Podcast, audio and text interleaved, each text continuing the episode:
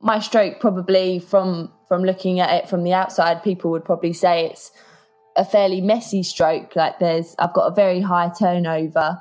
Um, and then I haven't got much of a leg kick either. So most coaches I ever had would always tell me off for not kicking my legs, um, which I always found quite funny.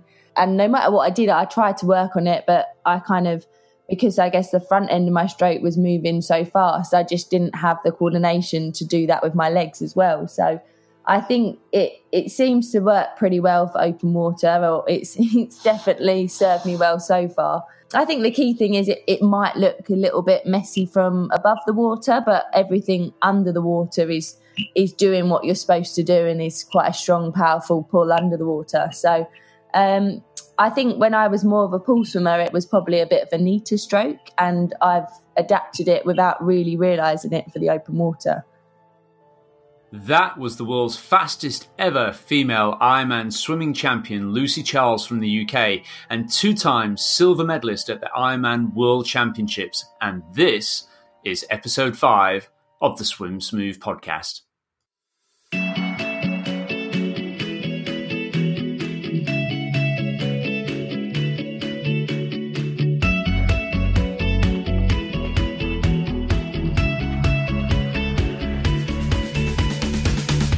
Well, hello there, everybody. My name is Paul Newsome, and this is episode five of the Swim Smooth podcast. I'm joined today by my co podcaster, Adam Young. Adam, how are you, sir? Uh, very good. Thank you very much. Uh, it's late evening here in the UK. I'm very excited about the call we have coming up. It's a bit experimental. It's our first four way call. You're over in Bali. Is that right, Paul? I am in Bali. I'm, I'm, like literally in a jungle here in Bali. Um, the internet connection is probably sketchy at best, so we're going to see how well we go with this. Um, it's looking pretty uh, pretty dark out there at the moment, but believe it or not, Adam, yesterday I was sitting down or laying down to a massage here. I figured, well, you know, when in Rome, you might as well uh, might as well take experience and yeah. take advantage of these uh, of these massages that they're on offer at the hotel, etc. And as I was laying down my life flashed before my eyes because all of a sudden the entire building started shaking. We were suffering an earthquake, and I don't know if you've ever had an earthquake before, Adam, but it was. Um, let me tell you, it was pretty scary. Yeah, I bet. I, no, I've never been in an earthquake. Um, wow, yeah. How long did it go on for? It probably kept the building shaking for about 30 seconds or something like that. And there's a couple of little tremors afterwards. Wow. Long enough to think about your kids and everything. Yeah. Well, yeah, long enough to feel super guilty about having a massage in Bali whilst I'm over here racing, and um, and yeah, and then thinking, oh, oh, my god, this is it. This is how they're going to find me. I'm going to be. this is going to be the end of Paul Newsome on a massage bed in Bali without his kids or his wife and stuff. So, uh, oh. yeah, but it was a yeah, it was a bit of a uh, bit of a, a, bit of an experience, and uh, and right now we've got a bit of a thunderstorm wow. going on. So if you hear any cracks of thunder or cracks of lightning, etc., that's uh, what's going on in the background here. It's it's a very balmy. It's 4 a.m. in the morning or 4:30 a.m. in the morning. It's a very balmy 30 degrees already. Humidity super super high, oh. and I'm actually over here racing this weekend. So on Saturday morning, which for me um, is actually tomorrow. So I got packed 24, 26 hours before I actually compete in the Bali Hope Swim Run event, and uh, this is an event raising money for for two charities over here. The Bali Hope Children's Foundation and also raising awareness of plastics in the ocean. It's going to be a fantastic event. They've managed to get together uh, a great group, crew of people who are all going to be competing. And we've got around about 20 kilometres running and three Ks of swimming. Now, that, that doesn't sound too much, especially considering uh, back in September I did the Ötillö, which was a total combined distance of 75 kilometres. But let me tell you, Adam, the conditions here are going to be oppressive at, um, at the very least on Saturday the swimming distance, it might only be three kilometers, but myself and Brad Smith, who I'm doing the race with, we were in the ocean yesterday practicing, and the currents here are just insane. I thought English Channel was bad, but over here, it's just totally insane. Very, very strong really? indeed. Yeah. So I think it's going to catch a few people off guard. Is it is it warm in the water? Presumably, oh, man, that's the worst part. the in the water. So you do you do a run. It's thirty one degrees, and the humidity must be at least ninety percent you do a uh, you do you go for your run or what have you. We we did a six k run the other night. It's about as much as we could really manage in the heat, and then we stopped and we thought, right, okay, we'll go for a dip, dip in the ocean. And I'm not joking. It is like getting into a bath. The water temperature had to be at least 32, 33 degrees. Wow. Um, so it wasn't. You got no relief at all. from getting in the water. So we're going to be racing for about two or three hours, I would imagine, on um, on Saturday uh, tomorrow. My God, it's very close. Um, we're going to be racing for about two or three hours, and it is going to be intense all the way around that course. So, yeah, that's what I'm doing this weekend. Yeah. How about you? Bit of a sidetrack, nothing to do with sport at all. We've actually uh, got a children's gingerbread party this weekend. My wife being German, we construct a big uh, gingerbread house every year, and we've got lots of friends over here. That's the main event on Saturday. Uh, my mum's coming, so the mother-in-law is in the house, and uh, yeah, very much looking forward to it. It should be um, should be a, should be great, yeah. And I shall be following your progress on Instagram as the uh, as the posts come in, no doubt. From uh, as far as I can tell, there's about hundred hardcore Instagrammers doing this event. Is that true? it's incredible. I've met all these young people who, young, fit, good-looking people, uh, doing this race. Many of them are uh, they've described themselves as um, digital nomads. Adam, this is how how out of date I felt. Digital nomads. Speaking okay. digital nomads. Yeah, talking to them yesterday. Many of these people have uh, Instagram followers in excess of uh, three hundred thousand followers. Um, so it's a bit yeah. it's a bit interesting talking to them because one of the guys, uh, Jackson Groves, who, uh, who I was speaking to great guy, lovely guy. I, I, actually felt like I was me talking to me from 20 years ago. So he's, you know, traveling the world, living, living the lifestyle, living out of a backpack and, um, and then just, just loving life really. It's, uh, it's quite, it's quite cool talking to everybody. And I, I, I thought, right, okay, I'm just going to drop this one on him. I'm going to just say to him, you know, have you ever seen that movie, The Beach? With Leonardo DiCaprio because it's the thing which actually set me off traveling around the world. You know, it was the total inspiration. And he hadn't even heard of that movie. And I was like, oh my God, I am really getting quite old here. Everyone's like half my age. So um, I wouldn't describe myself as super old or anything like that, but I'm definitely feeling the, uh, feeling the pace over here. So I'm hoping some of that experience pays off on Saturday because I don't think I've got youth on my side anymore. Definitely. I'm sure it will. I'm sure it will. Brilliant. Yes. Well, okay. So, um, what's uh, what have we got in store today, Adam? Well, we have uh, a very exciting call lined up with uh, two great athletes, Lucy Charles and Reece Barclay, who are I've just found out I've just got engaged. Not just got engaged, but they are actually getting married, Adam, next weekend. How lucky are we to have them on the show today? I know. I can't believe they've uh, they've put time. I mean, their schedule must be so busy right now. If you, you are married, I'm married. The the final like week or so build up is is horrendous, isn't it, to a, to a wedding? So um, somehow they found the the time and space to slot us in for this call. So uh, yeah, very very excited to have those two guys on board. Lucy Charles obviously second at the uh, Ironman World Championships in Hawaii, and particularly for us as swim coaches, interestingly and set uh, a new swim course record, of course, that this year, which uh, which is phenomenal. Uh, and we'll get into a little bit of that with uh, with Lucy and, and the race, etc. As we uh, as we get started, and we also have on the line one of your best mates, Paul. Yes, that's correct. I, we have on the line, believe it or not, here's a here's just how small this world actually is. So I started swimming competitively when I was seven years of age, and at the age of ten or maybe eleven, I think it was, my mum decided that, uh, and probably I decided as well, that I wanted to step things up a level or, or two we heard there was a full time swimming coach just being put in place in Kingston upon Hull, uh, which, if you don't know where that is, that's in the north of England on the east coast. He was put in place um, in Kingston upon Hull, and I would travel down there three or four times per week. It was around about an hour drive in each direction. So, my mum, Mother Smooth, God bless her, she was uh, great to, to do all those training trips with me. And and uh, helped me notch up my swimming. But anyway, when I was there, I actually met a guy who's very, very similar age to me, probably only about a month uh, month apart. And um, his name is Roy Shepherdson. Now, here's a funny story. Roy is was actually my best man at my wedding. So not only did we swim together for many, many years, but we became best mates. And um, you know, I loved spending time with Roy. And then I asked him, for my wedding, which was, uh, believe it or not, Adam, uh, Lucy's getting married this weekend or next weekend, and that's actually the same date that I got married 11 years ago. How how about that for uh, for coincidence? Well, you're getting married on the same day. Yeah, no, I was 11 years ago. Yeah, wow. but there we go. It's a bit of a bit of a coincidence. Anyway, we got married over in Montreal. Yeah.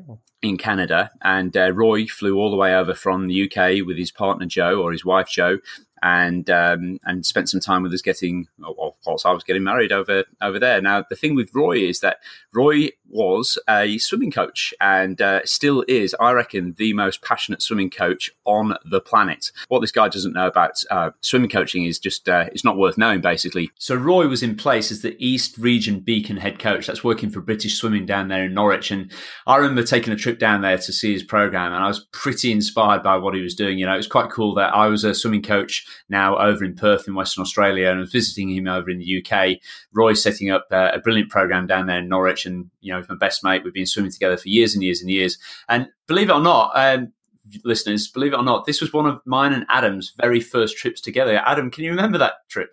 I do. Uh, in fact, you're making me feel old now because uh, that must have been nine, ten years ago. And, and I think I'm pretty much the same person, but Lucy Charles must have gone from being 15 to 25 in that time, which is really scary. She would have been in the, I don't actually remember her, but I think you do. That's right. Roy came over to me and said, look at this uh, young 14 year old girl. She's pretty good. She's going to be pretty handy over 800 freestyle is what he was sort of thinking at that time.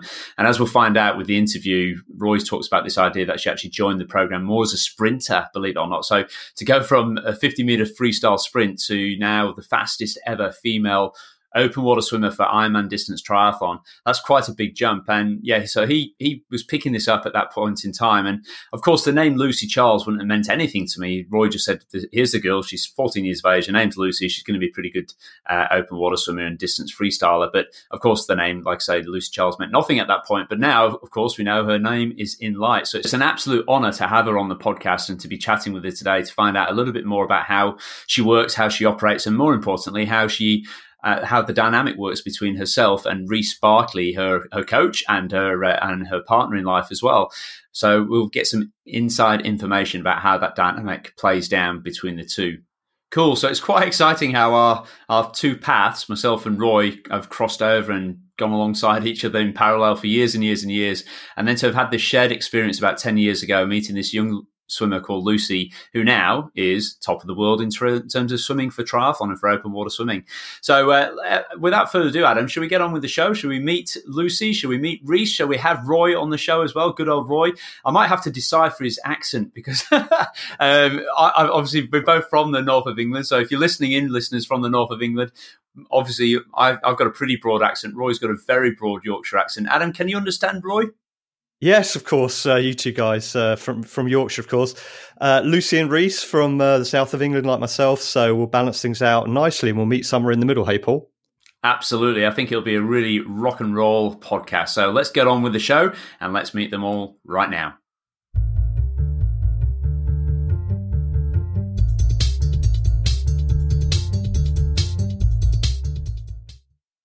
Okay, so without further ado, let's speak to our two guests today, Reece Barclay and Lucy Charles.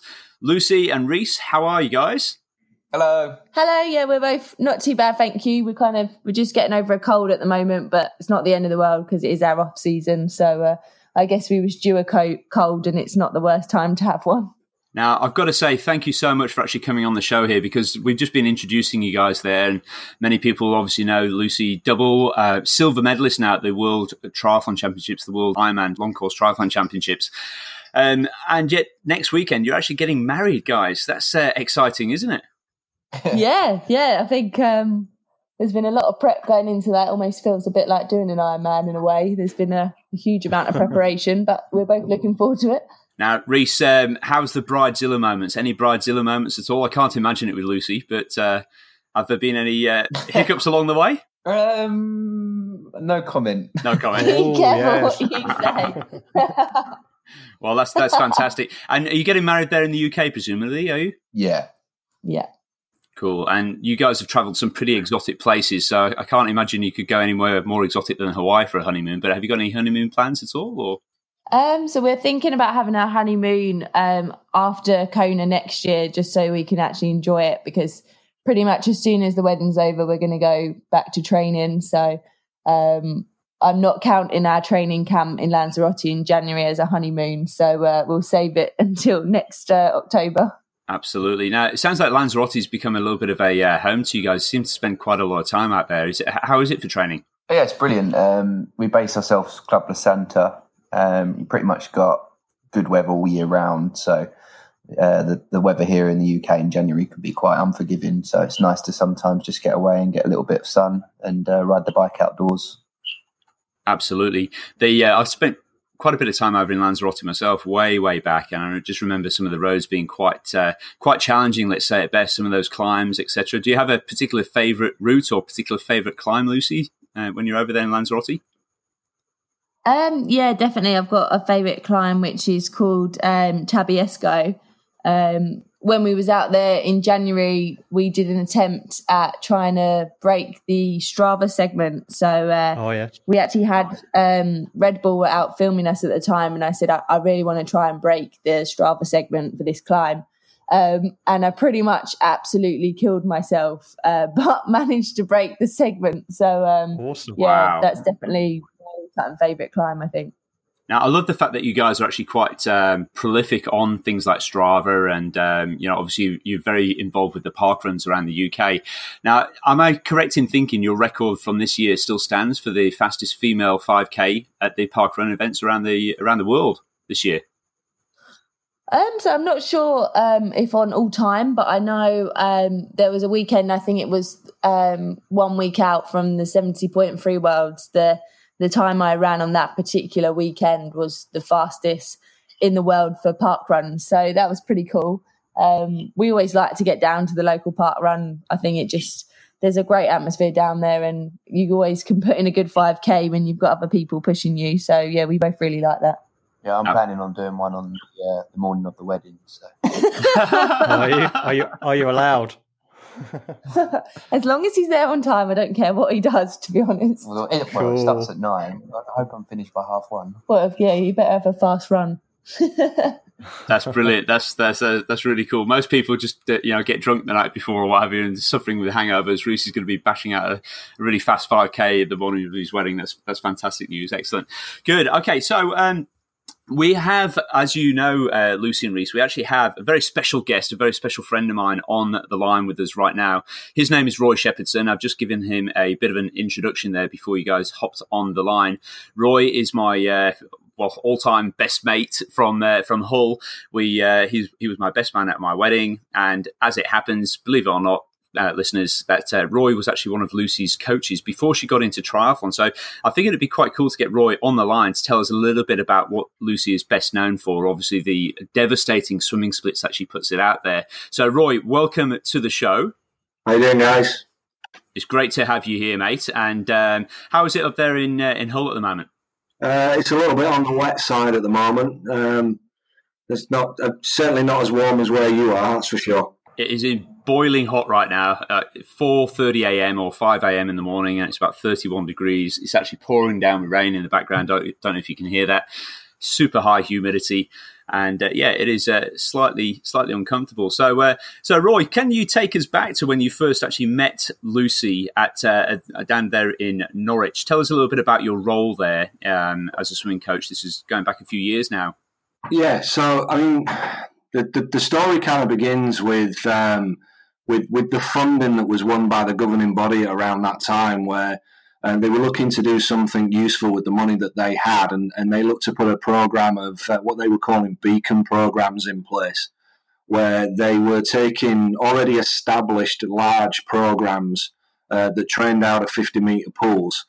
Um, but give access to talented swimmers from um, around the region, um, the, the access to those facilities and the coaching and, and the support networks.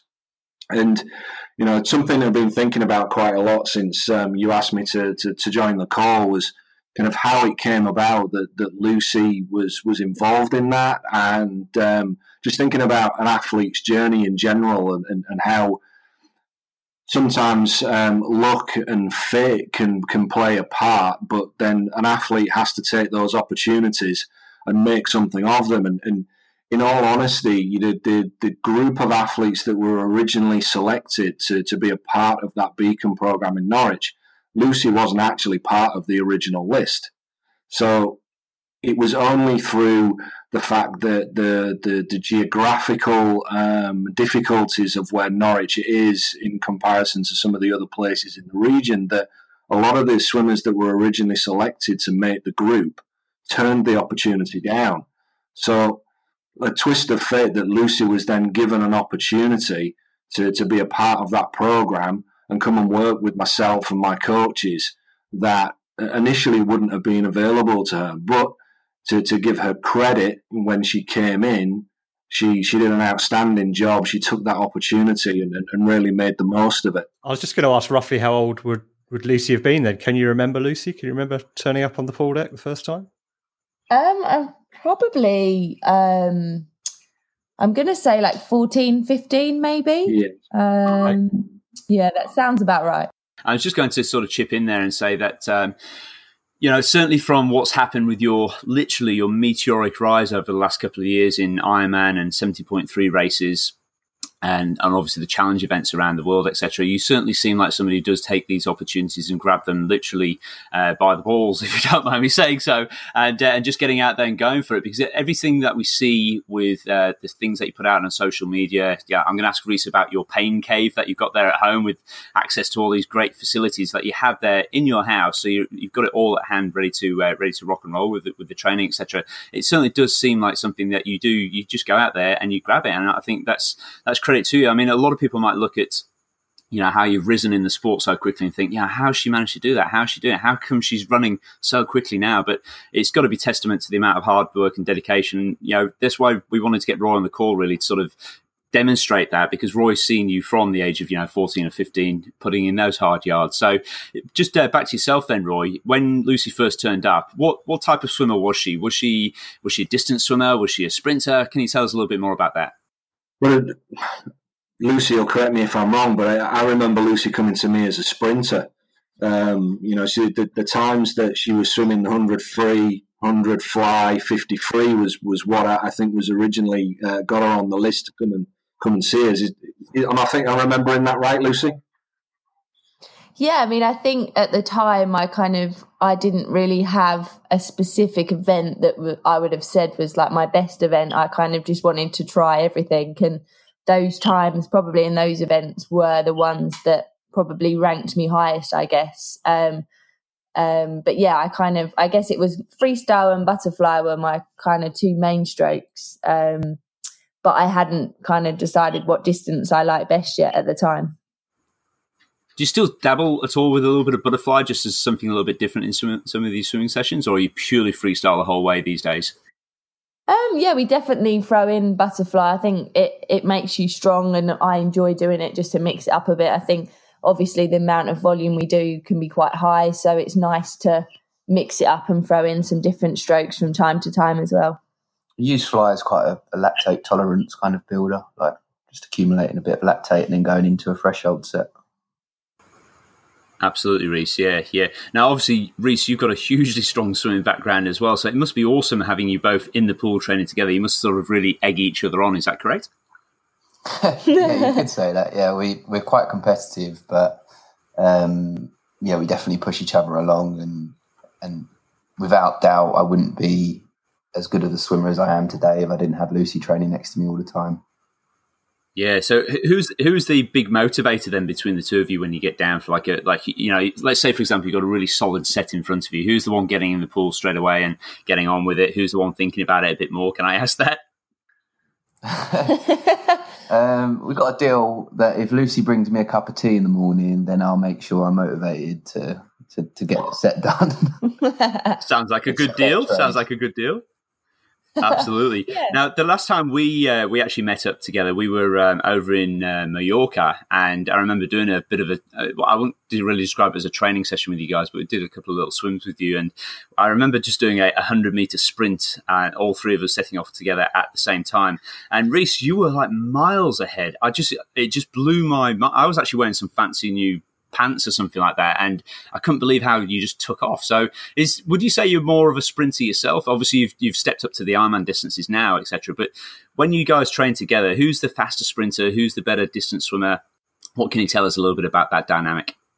Um, yeah, I think things have probably changed quite a lot since we met uh, in Mallorca. Um, it's about two years ago now, and I, I, really sort of took the feedback you gave me on board then, and uh, I've massively worked on my aerobic kind of conditioning. Um, and the gap between me and Lucy in terms of uh, distance um, she she would absolutely muller me on an 800, for example. But you know, I'd have the upper hand on a 200 and would be somewhere in the middle on a 400. Um, but as I've moved into long distance triathlon, I've obviously worked on my endurance, and and we're probably about even across the board now. Um, Not on a 50, you'd still crush me on that. yeah, I think I think we're, we're much closer than we were when you saw us back then. Just for the benefit of the listeners, what sort of time would you swim maybe for a 50 or 100, Reece? Um, I was around 22 seconds for a 50 and 50 seconds for a 100. Wow. 50 for a 100, yeah. So uh, very fast. Very, very fast.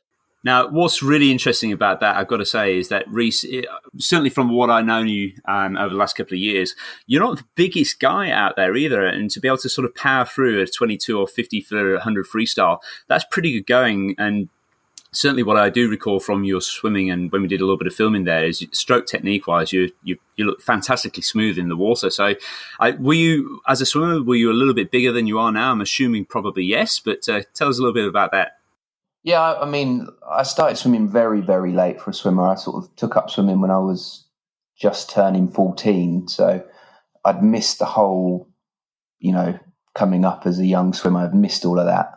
Um, and I literally spent just hours watching videos of Phelps and uh, Grant Hackett on TV um, to try and catch catch up these swimmers. So I think I kind of had uh, an obsession with the perfect stroke from the very first day I started swimming. Um, and luckily at the time I had a very good coach as well who enforced that. But yeah, as I say, I'm not the biggest guy. I'm about six foot, but I was racing guys who were, you know, six foot six and a lot bigger than me. So they'd pull a lot more, pull a lot more water. And when it came to sprints, I always had like a disadvantage. Um, and unfortunately, I just never really bridged the gap to the the top level swimmers.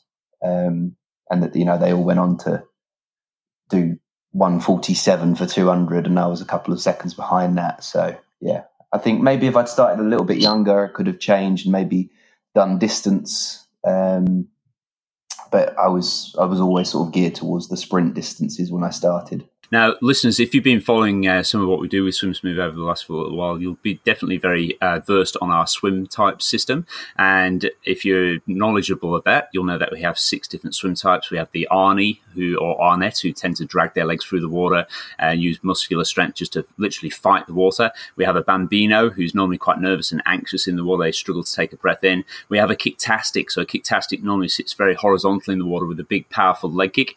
We have a Overglider. Uh, typically an overglider is somebody who's trying to overly lengthen out their freestyle swim stroke and pause and glide at the front of the stroke. And then we have our top two swimming types. And it, what's really interesting is I would classify Reece, no doubt whatsoever, as our classic Mr. Smooth. You look beautiful in the water, classic sort of high elbow um, recovery over the top of the water, and you know, and you swim beautifully well. Lucy, how would you describe your stroke though? Because we do have a, a sixth swim type, and uh, we call that swim type the swinger, which might sound a little bit derogatory, but when you've got the world's fastest Ironman swimmer on the call with you right now, there is no derogatory uh, term about that whatsoever. You swim fantastically well with beautiful rhythm, etc. How have you ever how have you thought about your own technique, Lucy, over the years? And um, tell us a little bit about uh, about what you've done with different coaches, maybe to to to work on that.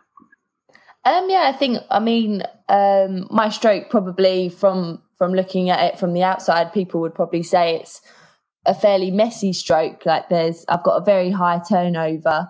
Um, and then I haven't got much of a leg kick either. So most coaches I ever had would always tell me off for not kicking my legs, um, which I always found quite funny. Um, and no matter what I did, I tried to work on it, but I kind of, because I guess the front end of my stroke was moving so fast, I just didn't have the coordination to do that with my legs as well. So I think it it seems to work pretty well for open water, or it's it's definitely served me well so far. Um, I think the key thing is it, it might look a little bit messy from above the water, but everything under the water is is doing what you're supposed to do and is quite a strong, powerful pull under the water. So um, I think when I was more of a pool swimmer, it was probably a bit of a neater stroke, and I've adapted it without really realizing it for the open water. So, and obviously the proof is in the pudding with the with the results there. And it, it definitely reminds me back in the day when I when I was uh, competing uh, in triathlon back down at Bath University. I was very lucky to work for British Triathlon at that time, and they asked me for a year of my sort of uh, year out from from studies to actually be their talent ID officer. They sent me down to Blandford Forum down in Dorset to to actually work with a, a young guy called Harry Wiltshire and he was the very first swimmer I ever started coaching.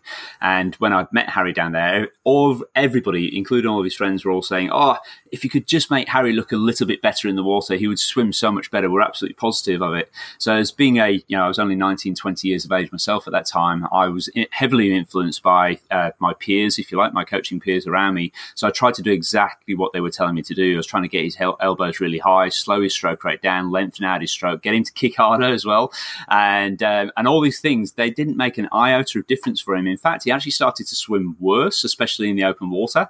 So at that point, I thought something's not going right re- really with this, and uh, maybe rather than trying to change him and fit him inside a, a box which he's not uh, not not designed for. Let's try to actually endorse his strengths, and that's clearly what you've done with your stroke. So, you know, people might look at certainly Harry um, and describe him as a little bit of a, a, windmill, but he was first out of the water in Kona in 2016, so you know, fastest male athlete there that year out of the water, and yourself obviously just breaking breaking the record. There is obviously merit in what you're doing, otherwise you wouldn't be coming out in these sort of times, etc. So, yeah, it's it, it was always it, seeing you swimming there over in Mallorca and watching it. We did. I don't know if you remember, but we actually had a little look at the leg kick, I asked you to go from a six beat kick back to down to a two beat kick, and the two beat kick just worked beautifully well. And like you say, it flowed well at the front end of the stroke and obviously designed perfectly well for, for longer distance swimming and also in the open water as well when it's rough and choppy.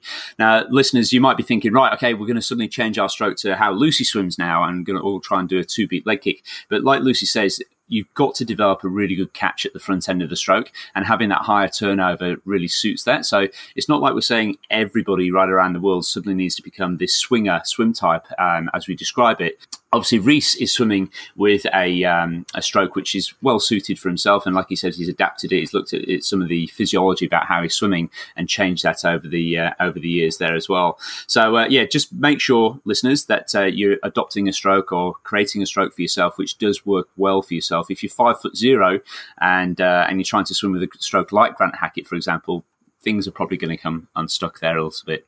So, Roy, can we just come back, come back to yourself? So, we go right back to when Lucy was 14, 15. She stepped there out on the pool deck. What did you see in her, apart from you've sort of started to hint at this sort of tenacious spirit, this ability to take on opportunities, etc.? Tell us a little bit about working with her for the first time.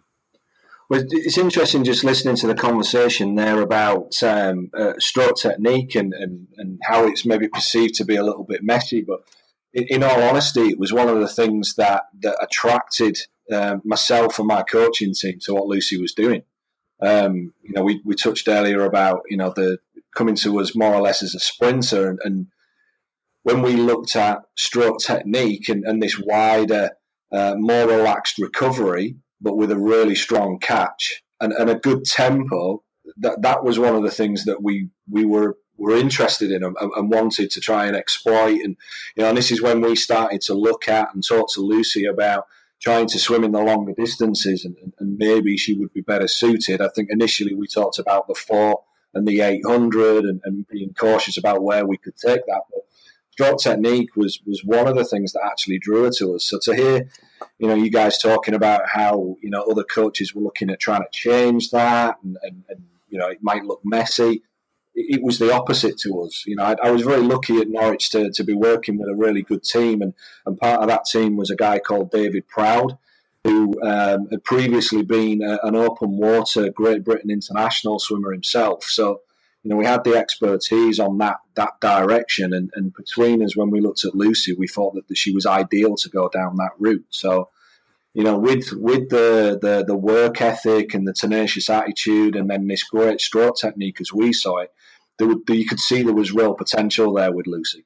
So, Lucy, when did you start to make the decision then to obviously you stepped up as Roy's starting to lead to there to the 400s and the 800s? How long did you stick with that distance before thinking maybe I'll get into a little bit of open water swimming, or or did you never really leave the four and the eight? You sort of stuck with it and ran it in parallel with some of the open water. Yeah, I think I mean credit to Roy really like he 100% was one of my favorite ever swim coaches that I ever worked with so um, I always would listen to the advice that Roy gave me and I, I believe Roy was probably one of the people that kind of maybe even hinted about doing the open water stuff and the distance swimming was going well and I kind of I'm one of those people that always wants the next challenge, I guess. So it was a new, exciting challenge to go and try sort of the distances in the open water. And we had quite a lot of success straight away, really. So um, I never stopped doing the pool swimming because I love that as well. So I did kind of run it parallel and it, it definitely improved things like my 800 and 1500 just by doing that slightly longer in the open water. But I guess the appeal of the open water was you could swim quite long distances, but it almost felt like it was going quicker because there was more going on. So, um, yeah, I just I enjoyed all of it really. I just I always loved a challenge, so the longer the distance, the better. I think. Brilliant, brilliant. Now it's been well documented that you had uh, you were training sometimes up to 100 kilometers a week, uh, which people just blow their mind. In fact, we were chatting about this uh, with the Bali guys over here just uh, just like last night at dinner, and a few of them were saying, "Oh, you know, I've been running 80, 90 kilometers a week in preparation for this hard swim run event, which I'm doing uh, just tomorrow." And they're saying, you know, 80, 90 kilometers. I say, "Well, Lucy, I'm speaking to later on, was uh, training at a peak at around about 100 kilometers per week." But when you when you first stepped into the open water. I know this is an experience which many people find quite daunting. And, and Reece, I'll ask you this same question as well. What was the very first experience of actually stepping into the open water? Was it something you immediately loved, or was there any was there a fear factor, as there is with, with many many people? How how did you find that, Lucy? Yeah, I think um, I kind of I don't know. I liked it. I thought it was quite exciting. There was always the worst part for me was always and still is even in triathlon is that start of an open water race where that's normally the roughest part where everyone's trying to jostle for the best position. So um, I always wanted to kind of get out. I can't imagine it stays too rough too long for yourself, though, Lucy. uh, with you being able to get away, get off the front. Uh, maybe that's maybe that's part of the tactics. Yeah, I think. I mean, I could probably rely on having a little bit of um, a sprint background. I, I always even when I kind of focused more on the distance event, I could make the national final for an 800 freestyle and the 50 freestyle. So I don't think I ever lost that kind of going out speed. So um, that that definitely helped. I wow. think. I mean, I'm definitely at more of an advantage now in triathlon than say when I used to do the swimming. That everyone was a strong swimmer then, so it would be a bit rougher in the beginning of the swim and, and you try and get away and, and get a good pack that worked together and, and didn't really fight with each other. And um, sometimes it would be pretty rough. I think it was definitely rougher as a swimmer than than now as a triathlete. Yeah, absolutely. And and Reece, same for yourself. What what was your first experience of get you know spending all this time, um, admittedly starting at a slightly uh, later age at fourteen, but what was your first experience, Reece, of actually getting in the open water? Was it something you immediately gravitated towards? Did you love it straight away, or was there a bit of a fear factor at all for yourself? Uh, no, actually, it was um, it was a long time later. I think I was twenty years old, and I was like, "What's all this open water stuff that Lucy keeps doing? I'm, I'm going to have a little go at it." And uh, after 200 meters, I think I had a panic attack. I, I, um, I wasn't prepared for the cold. I wasn't prepared for the disorientation, and I ended up like laying on my back for like a good five minutes, just trying to regroup, and then uh, sort of towel between my legs, finished the event, feeling a bit sorry for myself, and then uh, after that, I was like, wow, that's that's very very different to what I've been used to for the last six years, wherever it was I've been swimming at the time. Now that's uh, that's entirely normal, I would say, Reece. I uh, I've got a, um, pretty strong swimming background uh, in the pool myself, and I remember stepping up to the open water. I didn't get into it until uh, I was about 16, 17. and the big thing that had actually stopped me, uh, I used to go on like school trips. I remember to like France, and we'd be in a nice place, and all my t- all my uh, schoolmates they weren't swimmers, but they would quite gladly go out and swim in the ocean. But I always had this huge fear factor of going in. Just didn't want to put my head underneath the water. I know it sounds totally crazy today, but I didn't want to put my head underneath the water. I, I think I was, I've personally, I've got a little bit of a phobia of deep water. Um, I, I don't, if I can't see the bottom, I'm actually quite okay with that. But if I can see the bottom, I get almost like a vertigo sensation, and I prefer not to think about how deep it is and what's swimming around me, etc. So it is a very real anxiety that a lot of people suffer. I did a, um, I was actually working for the very first half Ironman up in uh, North Wales, way, way back, this 2001. And we were um, testing some wetsuits at the time. And I was working for Tri A, who I believe are still around in the UK. And uh, I was testing these wetsuits. And I was speaking to a guy, an old Welsh guy, just before the event. And he, he put the scared the bejesus out of me by telling me that you know several years ago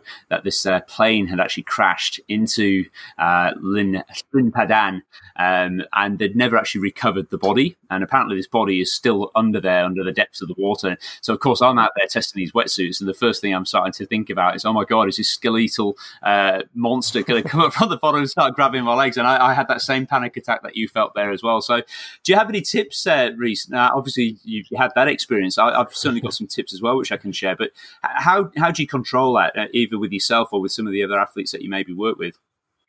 Um, I think uh, the more you do, the the more kind of accustomed you get to it. But um, one of the biggest things for me was acclimatizing to the cold um, before I actually got in the water. Uh, I, I, sort of wasn't prepared for just how cold it was going to be. I've I've been diving into a 27 degree swimming pool, um, and you just naivety expect it to be the same but when it's 16 17 degrees it can really take you by surprise and it actually stings your face to to keep your head in the water. But you know after like two or three minutes of water acclimatization before the swim start that can make a massive difference. How, how specifically would you uh, spend that time acclimatizing before the race? Do, do, you have any tips and techniques that people can maybe take on board to uh, to, to do to to work with that um, well, yeah, personally, I just sort of, you know, slowly let myself get into the water until it's up to, I don't know, I guess waist height.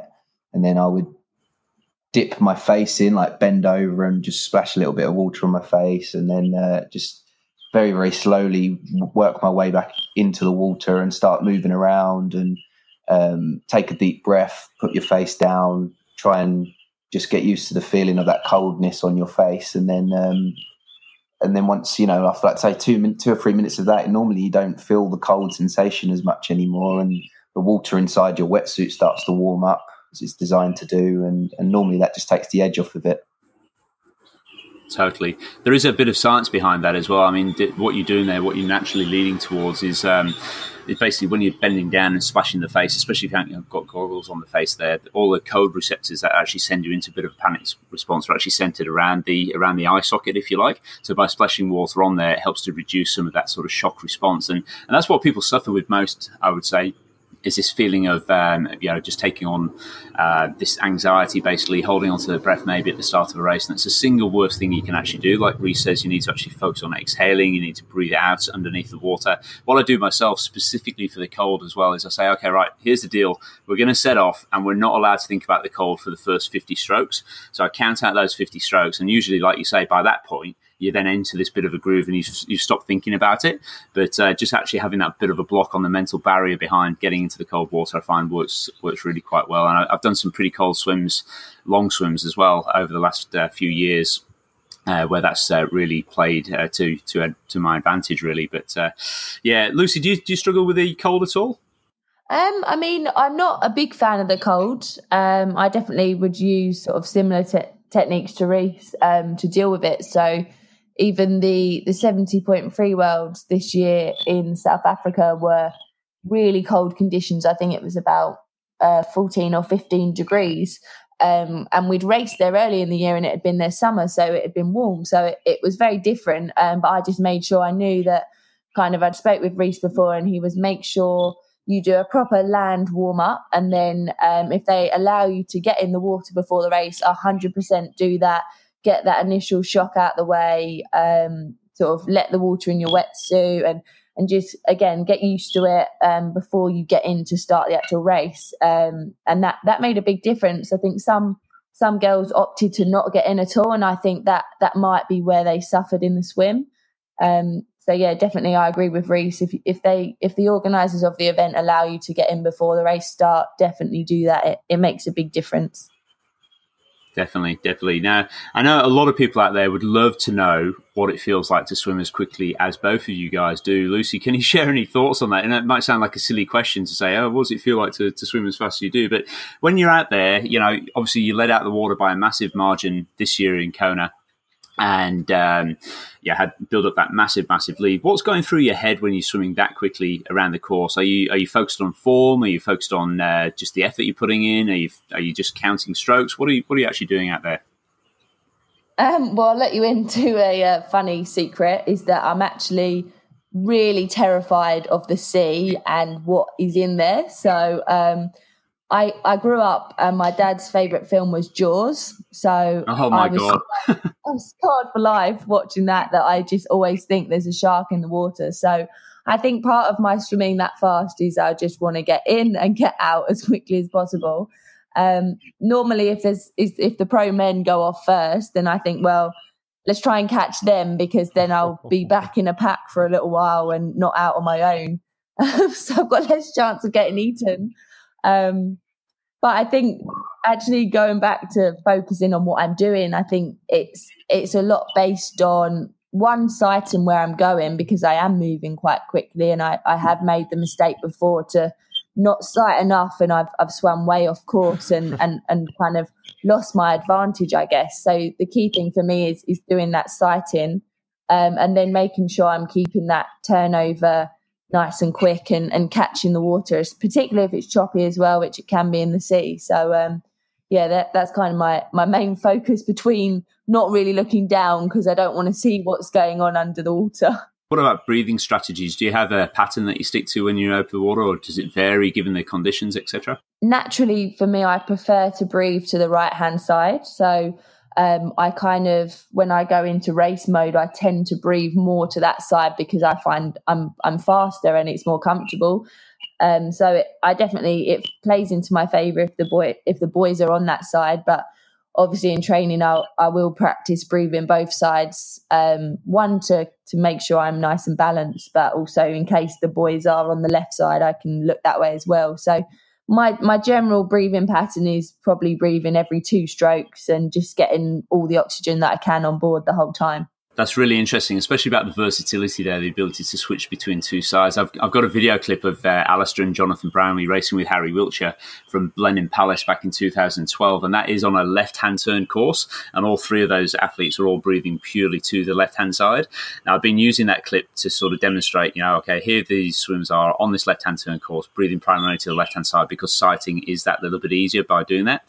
But then on the flip side of it, I'm not sure if you guys watched the Commonwealth Games earlier on this year, actually and when Alistair, they were actually on a left hand turn course. But so Johnny Brownlee was on the right hand side of Alistair. They set off on a left hand turn course, but for the first four or 500 meters, Alistair's breathing primarily to his right hand side not because that's uh, the where the course is, but simply because he's actually trying to pick up where his brother is. Once he gets his brother in line with him and they're ready to rock and roll and smash that bike apart, then he switches over to his left hand side and goes around the course, taking that shortest line and, and helping sight on the boys, etc. So, you know, that obviously that's that really echoes through in what you're saying there about the need to have that versatility to sort of mix it up, be equally confident on your left side versus the uh, versus the right side as well.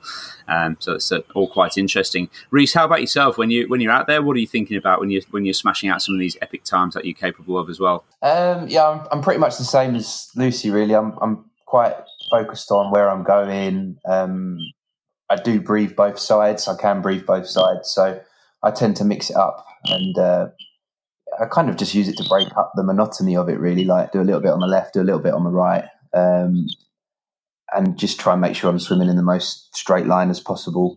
Um, sometimes if I'm if I'm veering off a little bit too much, I'll um, even you know go on my back a little bit and just see where I am in relation to the pack, and normally pull myself back in line with them, maybe a little bit in front, maybe I'm with them. But yeah, definitely breathing each side helps. Brilliant, brilliant. Now let's talk a little bit about then making this transition from open water swimming across into triathlon, which is where both of you in this very, very big rise in both of your performances. Reece, you're now obviously coaching Lucy and have been the, the entire time through. Tell us a little bit about what made you guys consider getting into triathlon. Uh, what was the transition? What was the thing that sort of sparked that uh, initial interest in doing triathlon and, and leaving the world of open water swimming behind? It was literally a bolt of lightning, um, sporadic moment. We'd had a very bad swim in the uh, Great Scottish Swim, I think it was. I, I say it was a very bad swim. It, it, wasn't actually that bad, but we were being quite hard on ourselves. And um, we were sat in the hotel room and just literally randomly a thought came into my head should we do an Ironman? And uh, I don't know where it came from, but Lucy said, yeah, let's do it. So we just, you know, committed to it there and then. And uh, this was in August 2013, I think, and the race was Ironman Bolton in 2014. Um, so from that moment, we were no longer swimmers. We were building towards being triathletes. Wow, and, and presumably it was a bit of a um, steep learning curve getting onto the bike and, and learning how to learning how to run properly and efficiently. And obviously, both of you have, have really shown that whatever you've been doing has been working. So maybe without giving away too many trade secrets, can you tell us a little bit about what, what your first experiences were getting on the bike? What what were some of the challenges, and equally on the on the run there as well, Lucy? Um, yeah, I mean, I think initially we obviously we knew what an Ironman was, we knew what the distances were, but beyond that we had no clue. So we both first thought, well, we both own a mountain bike, we can do it on that, and then soon learned, no, you can't do it on that. So um, we had to invest in getting some road bikes, which um, we we were very lucky actually at the time um, in the town where my parents live. Um, a guy called Ant Collier had just set up a triathlon club, so we kind of thought, well, that's great. It, it's meant to be. We'll go to this triathlon club and we can learn from the members there. And a few of them had, had done Ironmans and they were saying, "You're both crazy. You haven't even done a triathlon yet. How can you be signing up for this? You haven't you haven't run a marathon yet or anything." So um, much to their amusement, we were both terrible at cycling to begin with. We we couldn't get the hang of clipping pedals. I mean, I think I was probably worse than Reece. I fell off every single time we stopped. So it became a bit boring for people after a while. They're like, she's going to fall off again. Um, but then I think we, we soon, we started to get the hang of it. We, we were so dedicated to this challenge that, that we were going to do it no matter what. So I think, I mean, it definitely helped that both of us had signed up for it and we kind of we took the same attitude that we have towards our swim training into the Ironman training, and to some extent that's great. But then also you can get away with volume, volume, volume in swimming, but when it comes to things like running, that's not necessarily the case. So um, I think we were both fairly lucky. We didn't have too many problems in that first year, but as soon as we decided to take the training more seriously that kind of high volume approach that I wanted to keep throwing at running caught up with me and I ended up getting injuries. So we, we learned a hell of a lot of lessons very quickly um, during this journey.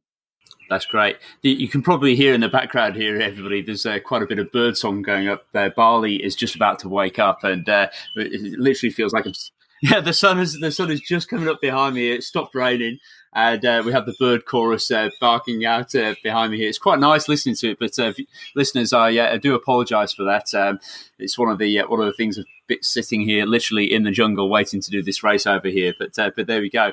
Um, so on the on the running side of things, Reece, can you do you have like a particular favourite training session that that you and Lucy like to use as a bit of a marker for for performance and and improvement? Yeah, I mean, it's it's it's, changed, it's forever changing as our um, progress. You know, like we're getting a lot more tolerant to running now. But um, we do one k reps on the track. Normally, anything from five up to eight one k reps. Um, we use that as a sort of benchmark as to where we are throughout the year. We track, you know, cadence, power. We use Stryd running power, um, heart rate, obviously interval times, and how much rest we're having how much your heart rate reduces in the rest. So it's a really good gauge of where we are with our run fitness.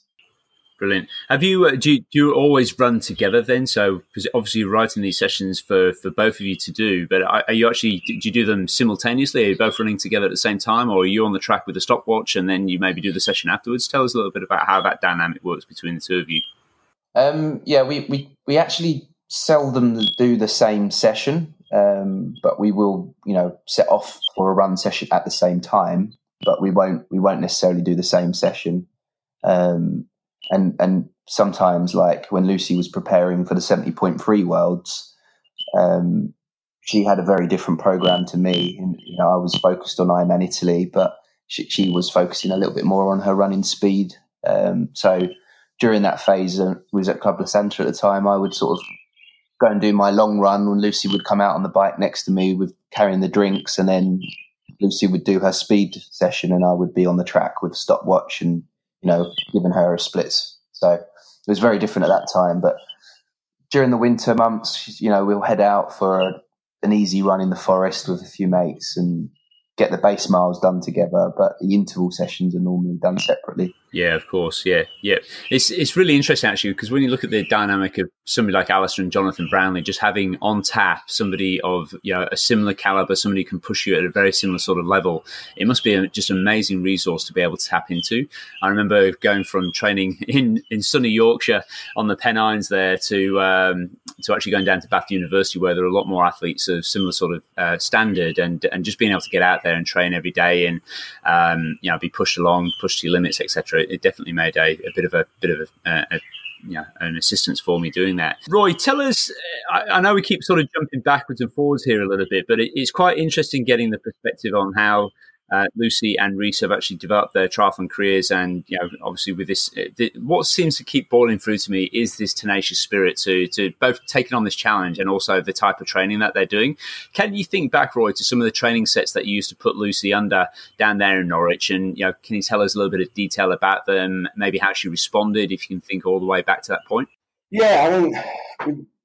I wasn't somebody who used to try and overcomplicate the, the training that we were doing. We, would obviously experiment at times and try different things. But you know, we would do pre- predominantly the, the kind of general heart rate sets that you, tend to find in these kind of programs. So, you know, looking at something like twenty to thirty one hundreds, um, high intensity work that would be off a, a ratio of, of two to one work and rest.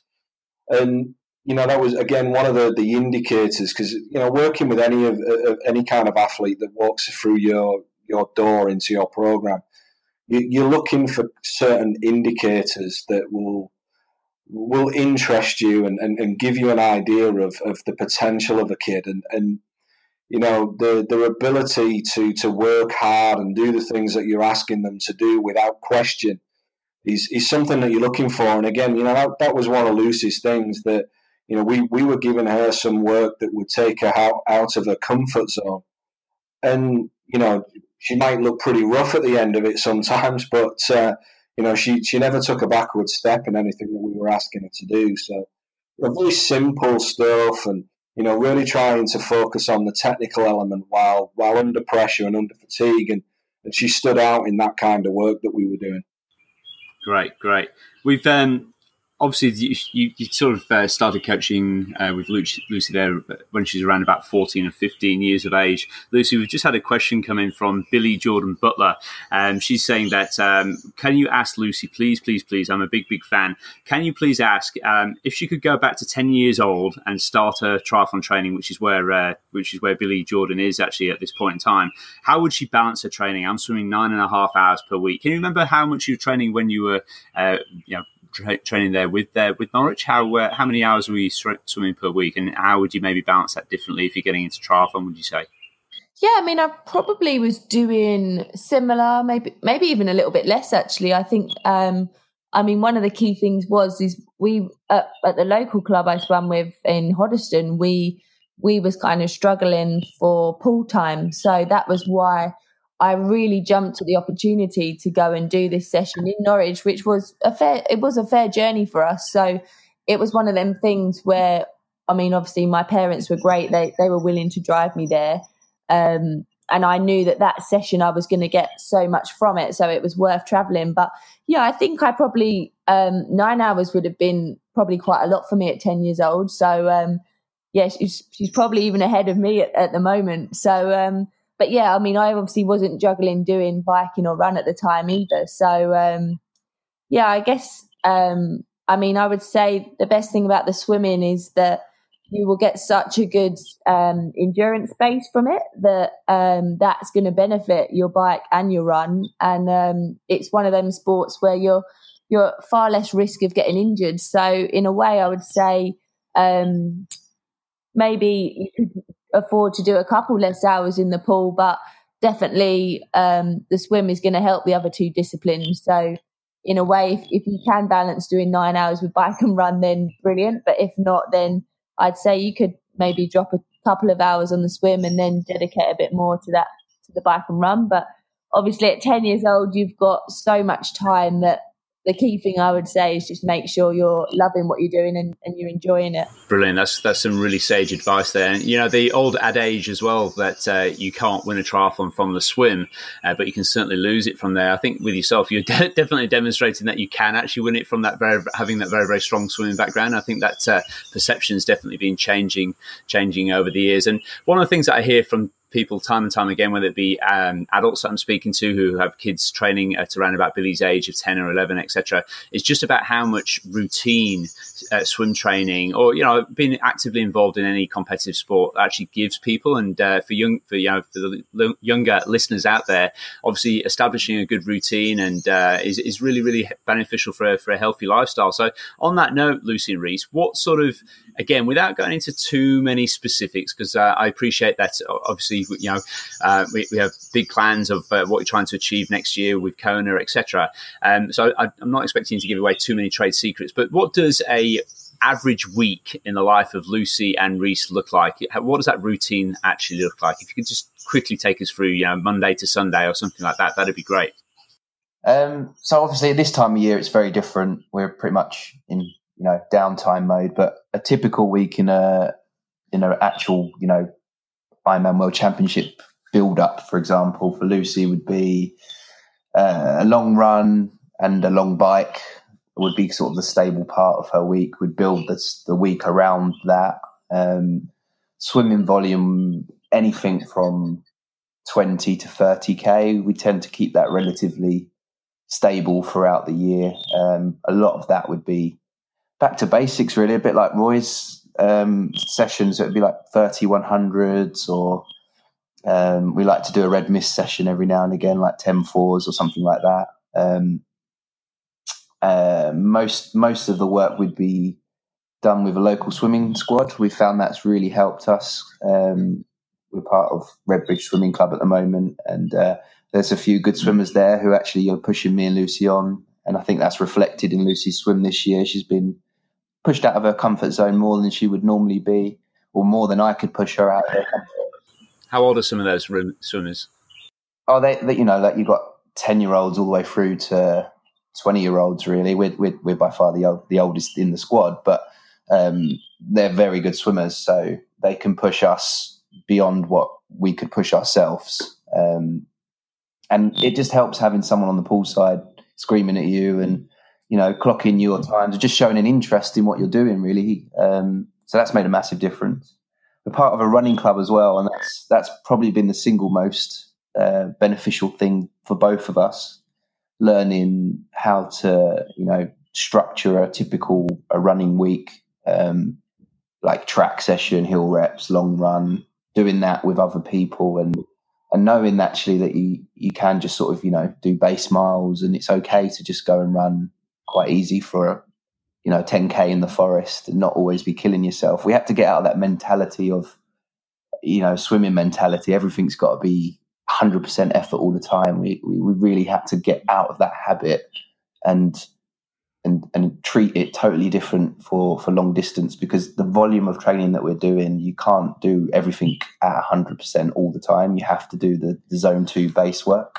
Yeah, absolutely, totally hearing you. And what, what's really exciting about just listening to those comments there, Reece, is that is the fact that people who may be listening into this podcast might be thinking, "Wow, yeah, Lucy and Reece, they've got it totally dialed in. She's finished second twice at Kona, and yet it sounds like you're still very much in that learning process. It sounds like you're still very much open to listening to advice from people, you know, who might be considered um, experts in the sport or what have you, or just people with a lot of shared experience, and you're willing to actually sort of take that on board. I'm sure you experiment with it a lot, but that's uh, that's really nice to hear. Actually, to be honest with you, very refreshing to hear that uh, that you still you know in that learning phase. And what's what's also nice about it is how scary that is as well. Because if you're still learning and you're still traveling forwards, you know how far how far can we really take that? Yeah, I mean, like you know, I've got a sports science background, but that doesn't mean that I know everything there is to know about sports. Um, I learn all the time from people, and I think if you can if you can take a single thing from someone who's you know got more knowledge than you and you can apply that try it for yourself and if it works for you then you know brilliant. That's absolutely fantastic. That's only going to make us better. So uh, another example is we've been you know working with matt Bottrill who's one of the best time trialists the uh, the UK's ever seen, actually the world's ever seen. I think he's got some records in like the 50 mile time trial, and he's just totally opened our eyes up to the, importance of aerodynamics, and it's been a game changer for this for us uh, over the last year. So again, Lucy's performance in 2017 was was fantastic, but it was probably even better this year because she understood the bike a lot better, and and we wouldn't have got that had we not asked these people who are experts in fields for their knowledge. Totally. I mean, you can certainly see that confidence growing like hugely. I remember watching you guys both race um, Ironman uh, 70.3 in Stafford, and uh, obviously both had uh, you know great great uh, performances there. But just seeing that confidence grow and like the, even like the positioning on the bike this year, it's been very very noticeable about how just how much more aerodynamic Lucy is on the bike, how well she sits on the bike. You know, experienced cyclists out there often talk about this idea about how well somebody literally they just say you know they're sitting well on the bike, and you go oh yeah, well, everyone sits well on the bike, don't But no, she, she, you are sitting very well on the bike right now, and it, and it's really it's great to see that in some of the images that come through on social media, and it's obviously playing a, a huge part in uh, in in all of that, um, which is which is really really really uh, nice to see. And I've never actually met uh, Matt um, myself, but uh, we were. I'll tell you a little story. Back in January, Adam was over in Perth, and myself and Adam have both been getting into Swift or Zwift, depending on how you pronounce it, uh, very very um, strongly in the last year or so. It's totally changed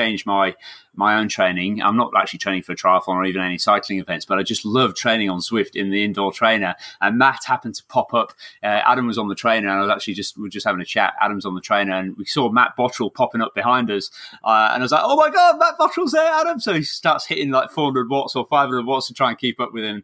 Uh, Adam, can you remember that experience? Yeah, it hurt like hell. I, I literally just got on. I wasn't warmed up or anything, and I think Matt was in the middle of a, a high intensity session or something. So yeah, it was uh, it was pretty painful. No, was good. I think we put it out on Instagram at the time.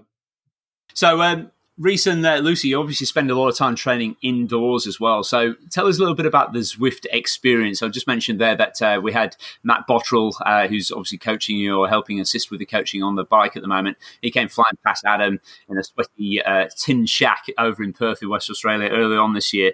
What? How much time do you spend on the indoor trainer and maybe even on the treadmill as well? Tell us a little bit about your experience with Zwift. Do you find it quite engaging? I'm assuming you do. Yeah, I mean when we when we train in the UK, so obviously when I prepared for Kona this year, I did the last four weeks leading into Kona. Um, I trained in the UK, and it was starting to get cold in the UK, so pretty much whenever we're here, we do all of our training indoors. So um, things like Swift have absolutely transformed that training for us because not only have we got some kind of visual um, something to look at and and, and keep you engaged and, and give you a bit more entertainment for what can be quite a, a dull uh, thing to do if you haven't got that. Um, not only that, you've got all these people from around the world that you can can can race with, or you can just know that they're there, and often they'll they'll try and almost join in the session that you're doing. So you've got that almost camaraderie really with your training, even though you're inside the same four walls every single day doing your sessions. So it's something that yeah we use pretty much every single day when we're when we're here training in the UK and even when we go out to Lanzarote we'll still throw in some some indoor sessions just to get that quality topped up and and we'll use Zwift to do that. Do you travel with a smart trainer? Uh, uh, they're obviously very very heavy, aren't they, to take? But do, do, you travel with one, or do you have do you have access to one over there in Lanzarote? Uh, yeah, we're pretty lucky that at Club La Santa they've they've got the um, the indoor trainers that we can use. So um, we normally just borrow one rather than, yeah, as you said, they are pretty heavy. So uh, normally, if when we fly over to Kona, we'll just take a lightweight turbo and and use that uh, rather than a smart trainer. But yeah, when we're doing long blocks in in Lanzarote, we can use the smart trainers they've got there. Yeah, great, great. Now, Roy, um, obviously still on the call with us here. Roy, you've uh, you've been getting into a little bit of uh, triathlon training yourself. You're preparing for your first Ironman, aren't you? And uh, I know it's been a, a, bit of a step change for yourself. You've had to go on Swift. You've been doing quite a bit of running, some half marathons, etc. Tell us where you're at with your training, and maybe Lucy can offer you some tips on where you're at, mate. I definitely need some tips. That's for sure. Um, where am I at with it? Um, so obviously come from a swimming background. I feel like I've got that covered. So um, for the time being, I've parked the swimming because obviously, you know, full time job, two kids, married. you know, finding the time to be able to dedicate to it, it's not very easy. So for the time being, the focus is purely on the running. I've, I've got no history at all in running. So for the last 12, 18 months, I'm, I'm trying to extend that out and, and get some experience in, in that area. So um, I, I, ran um, my, first 10k event. Funnily enough, I did my first first half marathon first out of any any events, and then I, have just ran the first 10k um, at Doncaster just um, a week and a half ago. So yeah, that, that's where I'm at at the moment. I've got a road bike in the in the garage at the moment, which will, will start being used on Zwift again after after Christmas, and just slowly building things up until um, I get an opportunity to really have a good crack at it. Um, very good. So, uh, probably about time we sort of let these guys get off and uh, get their uh, honeymoon and uh, wedding preparations finalised. Lucy and Reece, it's been an absolute pleasure speaking to both of you. Do you, do you have any final tips, Reece, uh, for where we might be heading with our own triathlon training for the listeners out there? You know, maybe your top three tips, if you like, for uh, for triathlon training, something that people can pick up from, learn from your own experience. You're obviously learning, both of you both seem to be learning a lot still on the fly at this point in time. But is there a top three tips that you might have learned yourselves over the last couple of years, maybe for the aspiring swimmers out there who may be thinking about this transition across into triathlon? What would be your top three tips there? Uh, for swimming, I would say probably identify what type of swimmer you are and then work on that you know technique for you don't try and change your technique to be i don't know a, a, a better kicker if you're if you're not if you're a swinger, I don't know but how you would use the terminology, but suit suit your swim for your stroke and set the technique for your sort of swimming style, basically. Um, for running, it would be just take your time in the build and preparation, and just respect that. You know, you're putting a lot of impact through your legs. Don't rush into things. Your body takes probably a little bit longer than your enthusiasm towards it. So give it patience, and patience will be rewarded. Bike, uh, yeah, just try. if you're if you're absolutely new to it, then um, probably the best thing you can do is join a tri club or a, or a cycling club and, and feed off of all of the uh, the members there. They're, they're normally willing to help you a lot, and you know there's a lot of maintenance issues and things with bikes that you just um, there are a few hurdles you need to jump over before you even start thinking about riding your bike. So learning things like changing a puncture or things like that are definitely something you could get help from. Well, that's uh, that's really great to hear, Reece, and uh, thank you so much, guys, for coming on the show. I appreciate it's super busy time for you. Um, would just like to say on behalf of uh, Swim Smooth and everyone out there listening, I'm sure this is going to be a very very popular podcast. And Roy, it's been a pleasure having you and chipping in with your uh, advice and recollections of Lucy's background as well. So thank you everybody for your time. I'm going to get away now to this uh, stinking hot Bali sunshine and get out there. And I'm all pumped up and inspired now to go and head out for a bit of a swim and a bit of a run in, in anticipation of tomorrow's race over here. So thanks very much, guys, and uh, have a great weekend. And I wish you all the very best for next weekend when you uh, when you tie the knot. Thanks, Thank Paul. You. Yeah, good luck with your race. Yeah, thanks, guys.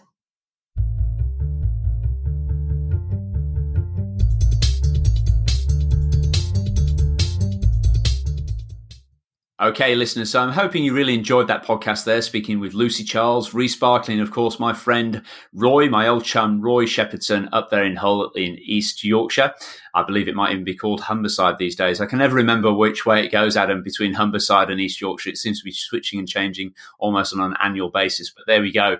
It was a, uh, it was great to speak to them, and we recorded this podcast a couple of days ago. I mentioned at the start of the podcast that I was be doing this race in 24 hours time. I've now since done that event over in Bali. It was great to do it. We didn't quite win, but we did come second, just behind the world champion Annika Eriksson, who, believe it or not, is going to be on the show in a couple of episodes' time. So I managed to uh, chew off uh, Annika's ear whilst we are over there in Bali, and she's very excited to actually come on the show with her racing partner Kristin, both of them over from there in Stockholm. So that's something to look forward to, isn't it, Adam? Absolutely, yeah. Can't wait. So, in summary, then, Adam, any final thoughts on the interview with Lucy and Reece?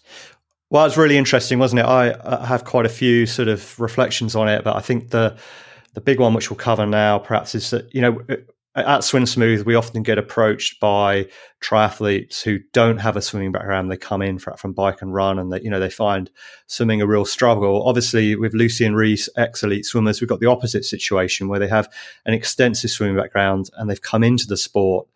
And you can kind of see the advantage of that. Lucy mentioned in in there about how you know that's that engine from swimming never leaves you, and you you know you, develop, you developed it as a young uh, a young junior athlete, as a teenager, and even you know before teenage years, and it it carries you a long, long way into the sport of triathlon. So if you do have a swimming background yourself, but you're new to triathlon, don't underestimate the importance of your swimming background. Although the ratio of swimming, particularly over the Ironman and the 70.3 distance, the ratio of swimming of, of the overall is quite short duration wise.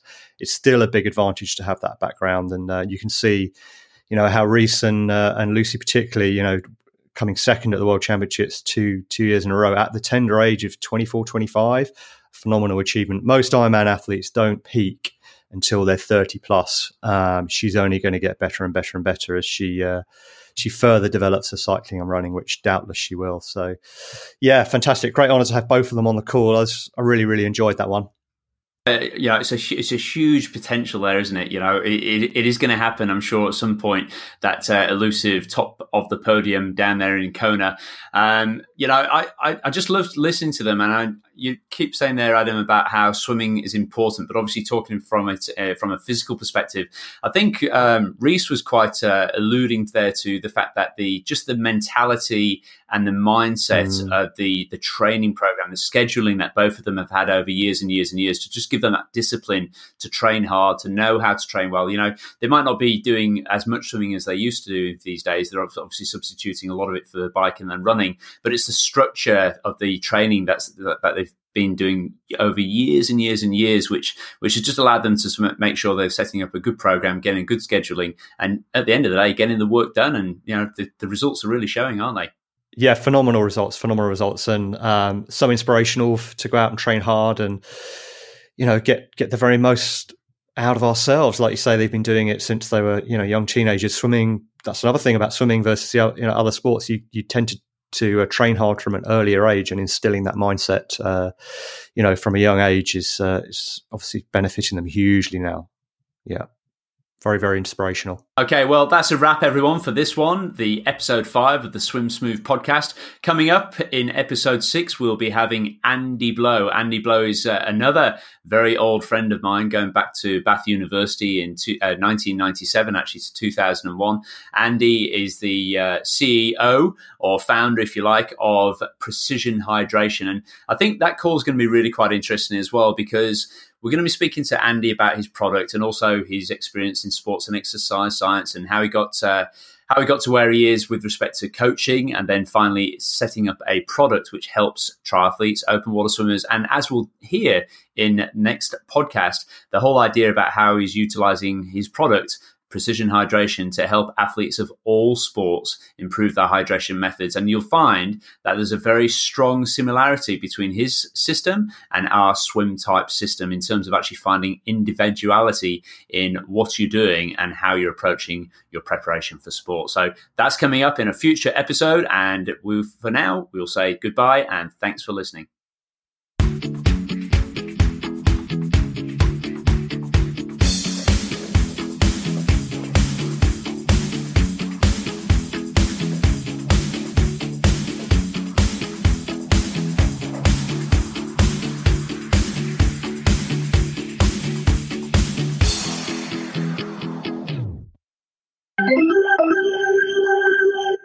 We're not being filmed, are we? Because we're in our undies. You're in, you're in your pants. You're not being filmed, but you've been recorded, and that's probably going in the show. when I swam 1500 in the pool in Athens 2004, which was my, my best 1500 meter pool performance, I took about 40 strokes a length, a stroke rate of about 47. Um, so, so sometimes, sorry, Dave, 47, we talk about stroke rate as in 1 2. Dave's talking about 1 2. So we'd be talking about stroke rate there of 94 strokes per minute yeah, and that was my optimum stroke rate. Any time we did any race pace sets in training or um, anything like that, we'd always be looking for that sort of rate. And anything slower, when I'm trying to increase my stroke length, so if I could get down to 37, 36 strokes a length, yeah, it might look better, but I would never ever swim that sort of level. So when I met Paul and we had this chat, it was like, wow, somebody actually does get me in my stroke. And I've been told, you know, from other people in the latter half of my career that you know maybe you could change to, to try and um, you know make some improvements. But the way I swam was a bit different, and I used to swim next to Grant Hackett, one again one of the best freestylers of all time. I looked like a bit of a rag doll next to him, but um, I came pretty close to him in Athens, and that was the best way for me to swim.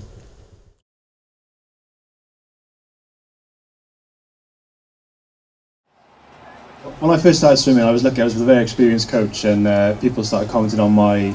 I had like a spider stroke. They used to say it was very short turnover. My hips used to swing a bit, and my coach said, "Don't don't ever try and change his stroke. That's the way he's meant to swim." Um, and I never really thought about it. I just used to get on with it. Like similar to what Ian Thorpe said, then his stroke is all on feel, and that's how I used to go about it. Um, but the latter part of my career, I started looking for maybe different answers to, to improve. I looked at different swimming techniques, and we had loads of science consultants coming over with for British swimming and um, they were all very much pro the smooth sort of technique. Um, and it was actually a sprinter, the guy called Jonty Skinner, who came over, um, very very fast sprinter back in his day, and uh, he wanted to basically change my stroke completely. And he said, Your stroke is the equivalent of somebody walking down the street who's had one too many drinks. You're basically walking down and you're like this because your, your stroke was balancing yourself. The hips were rotating because you weren't in a perfect balanced, smooth position. Um, but for me to this at this point in my career was very difficult because I've been swimming for you know nearly 20 years in this certain way and to change it all overnight was, was pretty difficult. Um, I actually never got as fast as I did when I, when I was younger. I couldn't I couldn't really adapt my stroke.